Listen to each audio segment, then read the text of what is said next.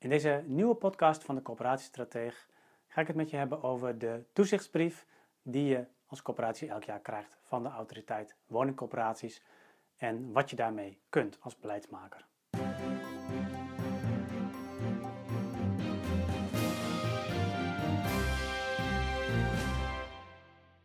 Ik zal meteen toegeven, de teksten in de toezichtsbrieven van de autoriteit woningcoöperaties zijn niet de meest uh, spannende uh, teksten. Als er geen opmerkingen zijn, als er geen interventies zijn, dan zijn de brieven ook uitwisselbaar. Dus in die zin heb je daar als beleidsmaker niet zoveel aan in de zin dat je daar niet direct veel uithaalt. Als er natuurlijk wel opmerkingen zijn, dan, ja, dan is er uiteraard wel meer aan de hand. Dan moet je aan de slag. En misschien ook wel, ook wel vanuit portefeuillesturing. Maar als er geen opmerkingen zijn, dan is dat gedeelte niet zo interessant. Wat eigenlijk in alle gevallen wel interessant is, is de bijlage bij de toezichtsbrief.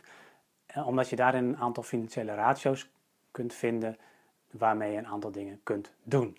Er zijn drie manieren waarop je iets aan de toezichtsbrief kunt hebben als beleidsmedewerker zijnde. In de eerste plaats uh, geeft het een mooi beeld van de financiële ruimte die je hebt.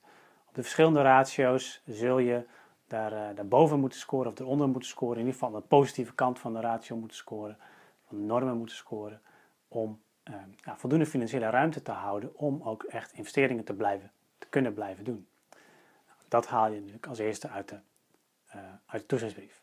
En als het goed is, ken je die cijfers natuurlijk al. Je hebt ze zelf tenslotte ook, uh, ook ingediend, althans de onderliggende cijfers. En um, als het goed is, ken je die cijfers dus al. Maar uiteindelijk telt het oordeel daarover van de autoriteit ook. En dat is uiteindelijk zichtbaar in de toezichtsbrief. En dat bepaalt uiteindelijk ja, hoeveel je ook daadwerkelijk kunt gaan investeren. Een tweede uh, manier om gebruik te maken van een toezichtsbrief is om dus te kijken van hoe je scoort ten opzichte van andere corporaties.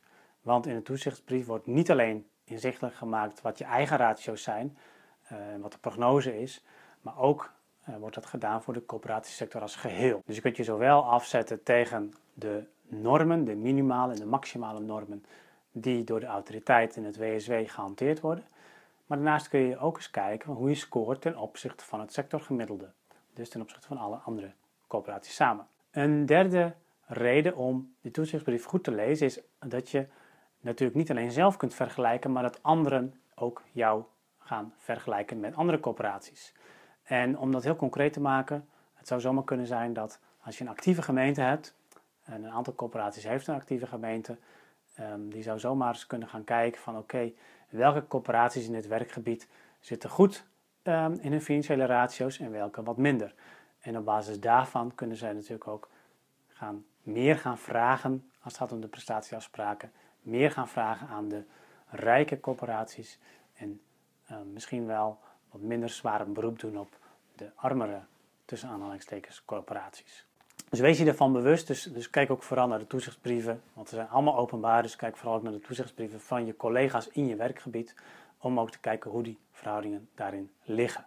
En dat geeft je ook meteen weer een heel goed, ja, goed beeld over hoe je ook bijvoorbeeld onderhandelingen over prestatieafspraken kunt ingaan. Nou, wat is dan concreet wat je uit de toezichtsbrief kunt halen?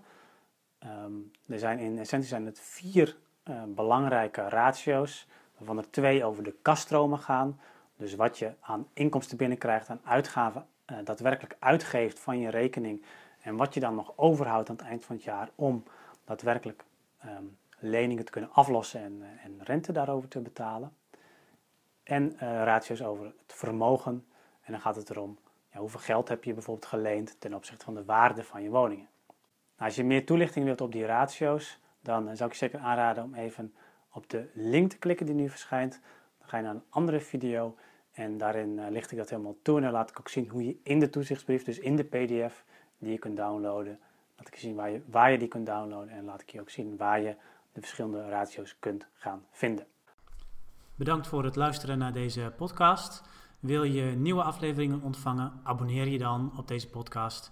En kijk ook eens op onze website corporatiestratege.nl voor meer praktische tips en downloads die jouw werk als coöperatiestratege makkelijker maken.